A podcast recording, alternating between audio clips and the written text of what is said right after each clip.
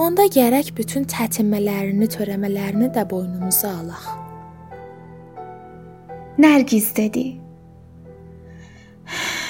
Bizim kimilərinin nağıllarının həmin saydığım üçüncü başı əlmas kimidir. Ya sındırar, ya sınar. Bu üçüncü başın elması insan iradəsidir. Düz qələt oldusuyla işim yox.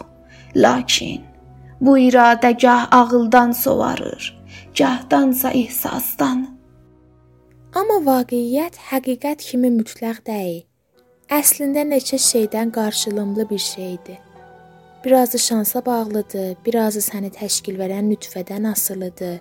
Birazı Bəlkə də çoxu ana bətnindən qurtulub hansı məkana düşdüyün, dünyanın hansı nöqtəsinə atıldığına bağlıdır. Qalıb ki, özün seçib getdiyin yolda nələrə rastlaşasan. Yolun çənduman olsun ya günəşli, qarboran olsun yoxsa yaz havalı, fırtınalı olsun ya aram, qəhətliğə rast gələsən ya toxluğa, barış görəsən ya savaş, yolun bədəviyyətdən keçsin ya mədəniyyətdən Bizim kimi baş bəlalı ölkələrdə həqiqət dediyin yanı ilğım, yanı sərab. Hamar bir çölün cızlama günəş altında uzaqdan su görərsən. Özündə susuzluqdan ciyərin ağzıva gəlir. Hey, qaçırsan ki, suya çatasan. Amma sən qaçdıqca su da qaçır. Su hardaydı? Yalnız təvəhhüm, yalnız xəyal, yalnız aldanma. İlğım idi, ilğım. Sudan heç bir xəbər yox. Nilüfər dedi. Nərgizə elə gəlir ki, Süleyman onun yaşamında bir ilğım idi. Dodağında acı bir gülüş deyir. Mən bir belə il bu ikisinin arasında çaşbaş qalmışam. İndi görürəm vaqiəti həqiqət sanmışdım. İlğimi isə dəniz. Dastanca.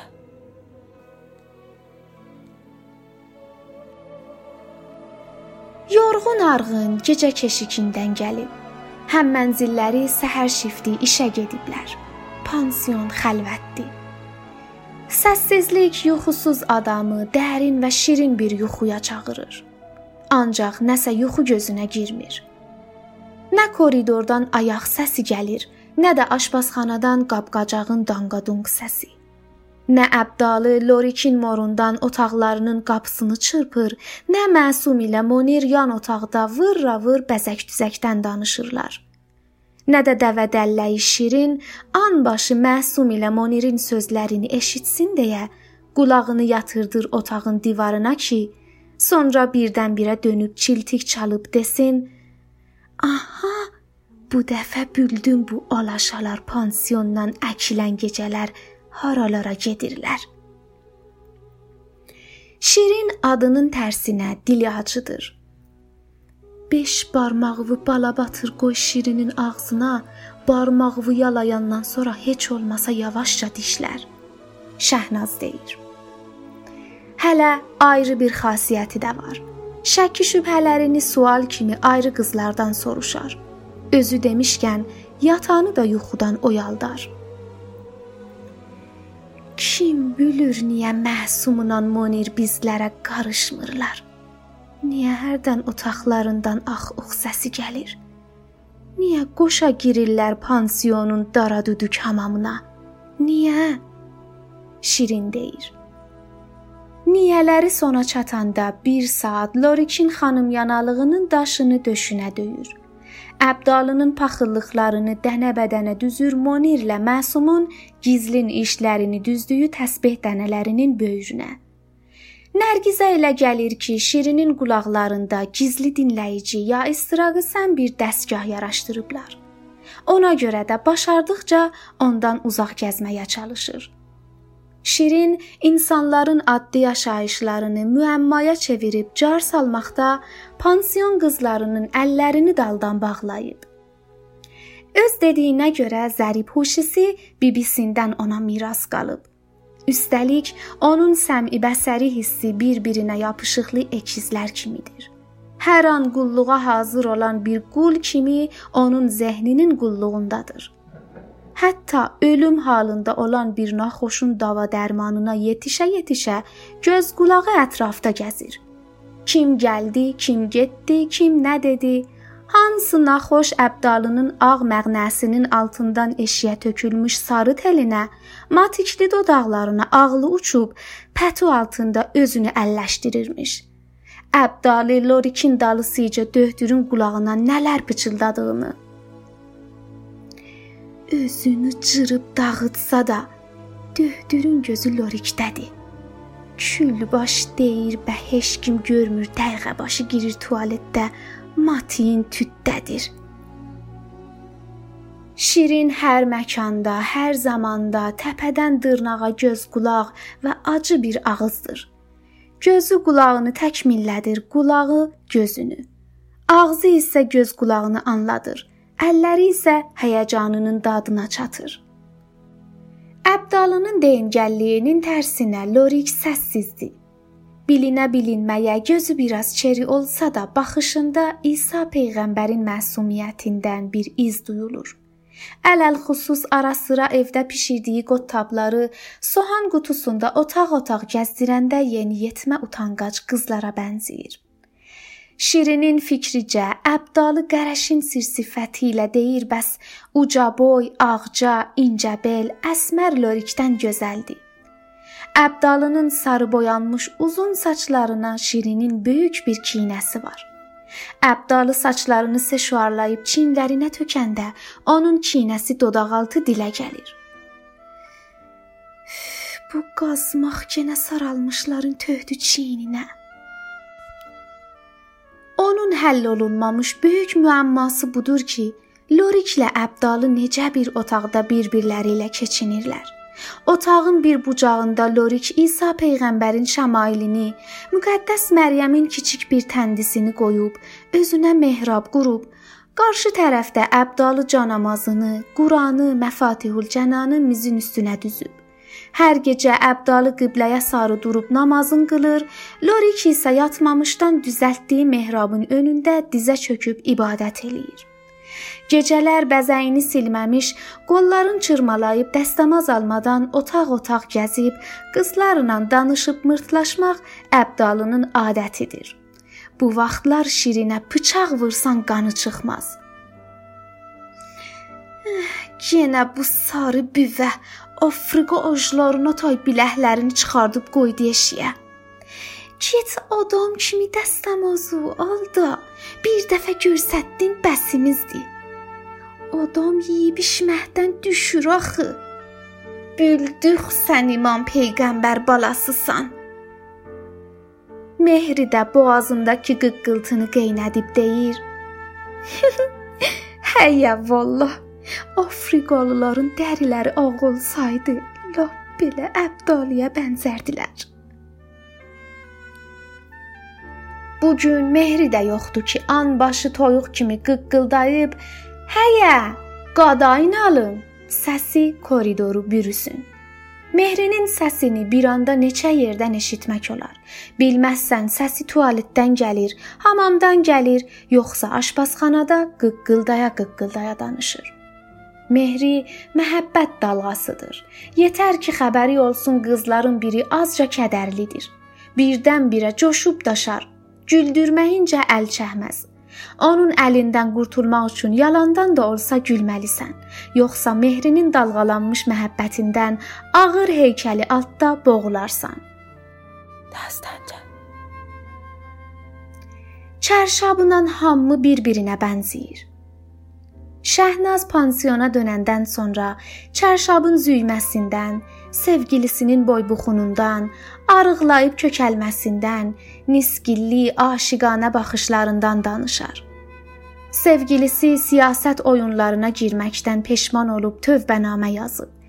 Şəhnazın dediyinə görə sınmağının səbəblərindən birisi Şəhnazın belinə can uzanmış qapqara saçları idi. Şəhnaz hər dönəm mülağata gedəndə Çabalır qaynanası deyən yollarla onu siyasətə bağladığı nə varsa başından çıxartsın. İndi isə Şəhnaz ilə ailə qurub birlikdə yaşamaqdan sarı burnunun ucu göynəyir. Gələcəkdə doğacaq qız oğlanlarının adlarını belə indidən seçiblər. Şəhnaz başardıqca aylığından ayırıb qırağa qoyur ki, adaxlısı zindandan çıxmaq həmin toy eləyib xəyyamda ona bəzzaz dükanı açsınlar. Nərgiz Süleymana yazdığı axırıncı naməsində şoxluqca tapmaca ünvanında yazmışdı: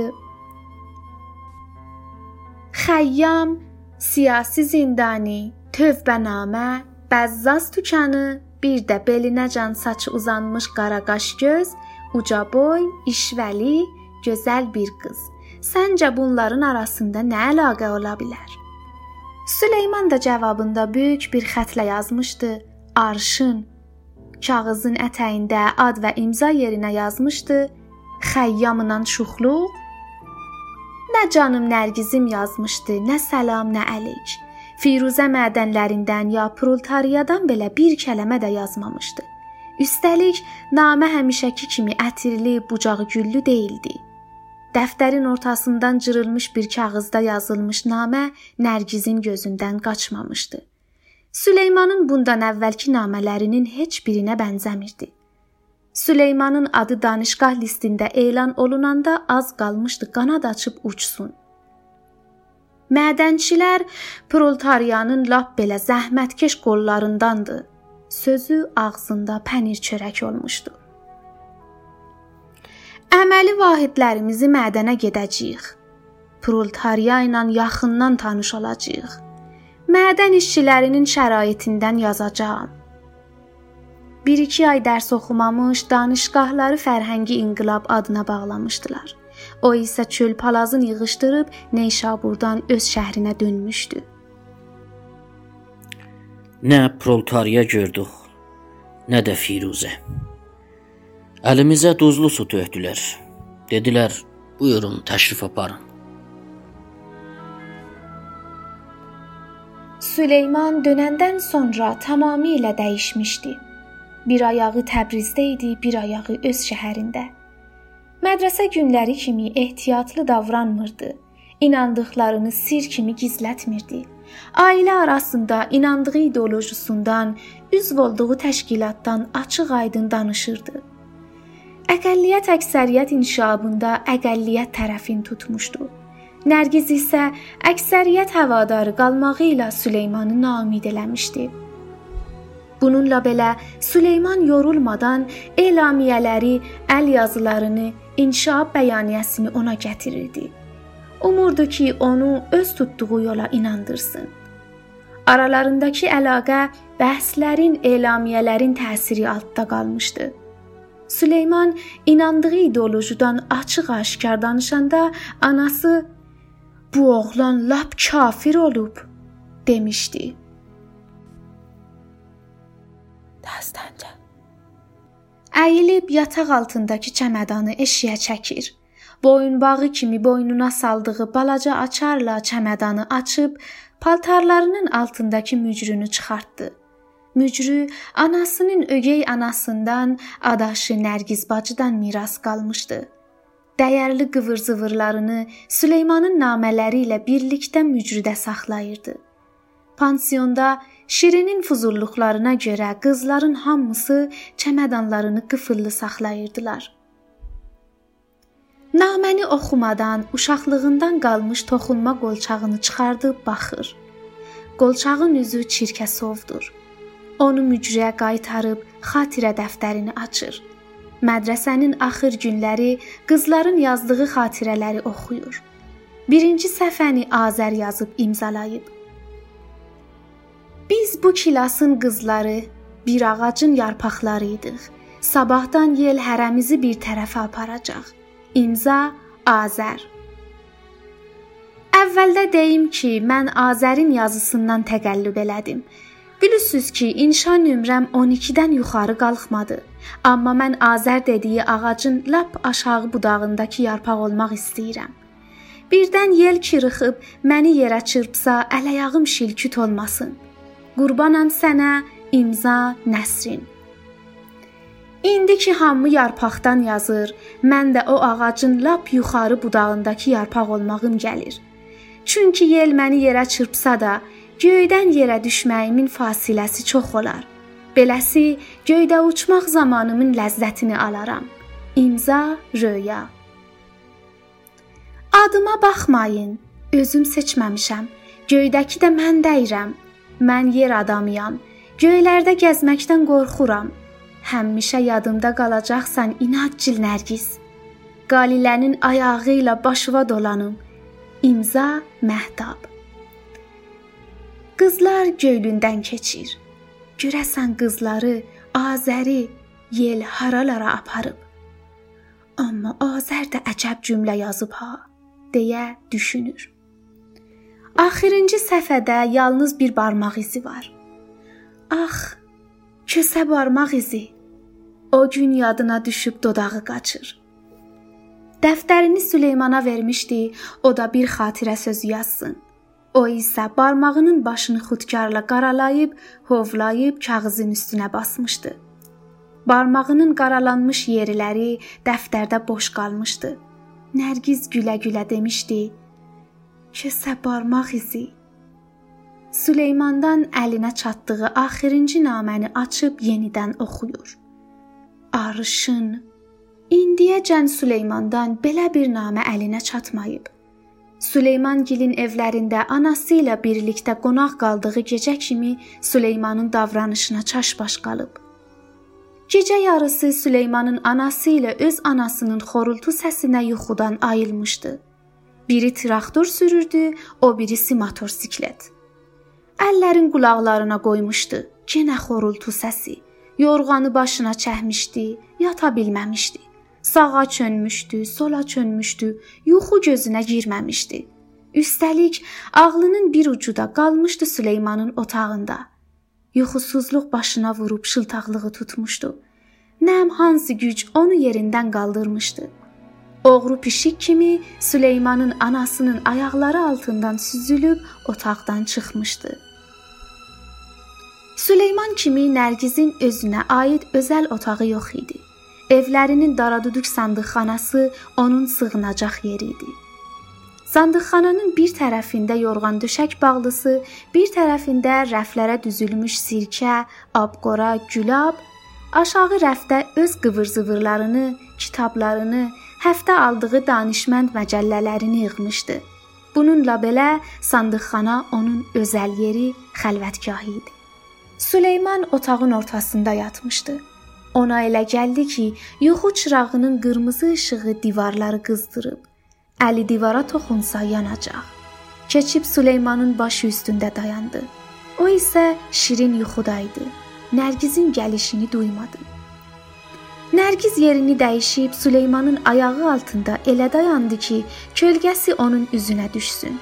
Süleyman yenə də onun gəlişini duymadı. Yenidən keçib Süleymanın başı üstündə əyləşdi. Süleyman yenə duymadı.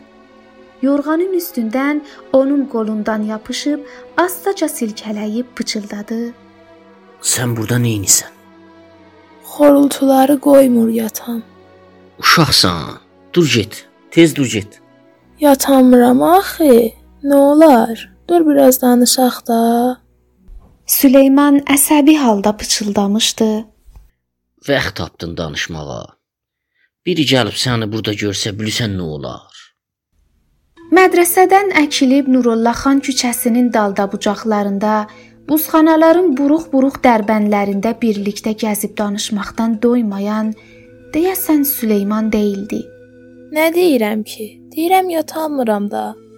Xorultuları qoymur yatam. Sən də başını qoy yat. Heç istəmədim danışaq. Gücbillahla ağlamağının qabağını almışdı. Dodaqlarını büzüb yerindən qalxıb qapıya sarı getmişdi. Qapıya yetişəndə Süleyman yerindən sıçrayıb əlindən yapışıb onu saxlaşdırmışdı. Utanmışdı Süleymanı pijaməli, tər köynəkli görməkdən. Birinci dəfə idi ki, onu bu görkəmdə görürdü. Yarı çılpaq Süleyman ayrı bir adam idi deyəsən. Çılpaqlıq onu kiçiltmişdi. Silahını itirmiş bir əskərə bənzəyirdi. Süleyman otağın qırmızı işığında yazıq və riqqətli nəzərə gəlirdi. Nərgiz isə küsmüş kimi başını aşağı saldı. Baxışını Süleymanın mehriban və nəmli gözlərindən qaçırtdı. Dayan. Dayan, getmə.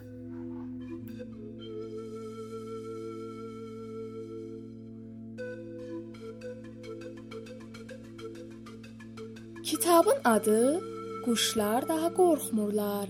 Yazar Ruqəyyə Kəbiri. Bu kitabı səsləndirdilər. Ravi Saray Tahiri, Süleyman Muxtar, Mehdi Miyablı, Nərgiz Aysuda Məhdəvi. Düzənləyən Səccad Müslimi. Bizim axağa qatılmaqla işimizin ardını tutmaqda bizə dəstək olun. Axağımızın adresi Dastanca D A S T A N C A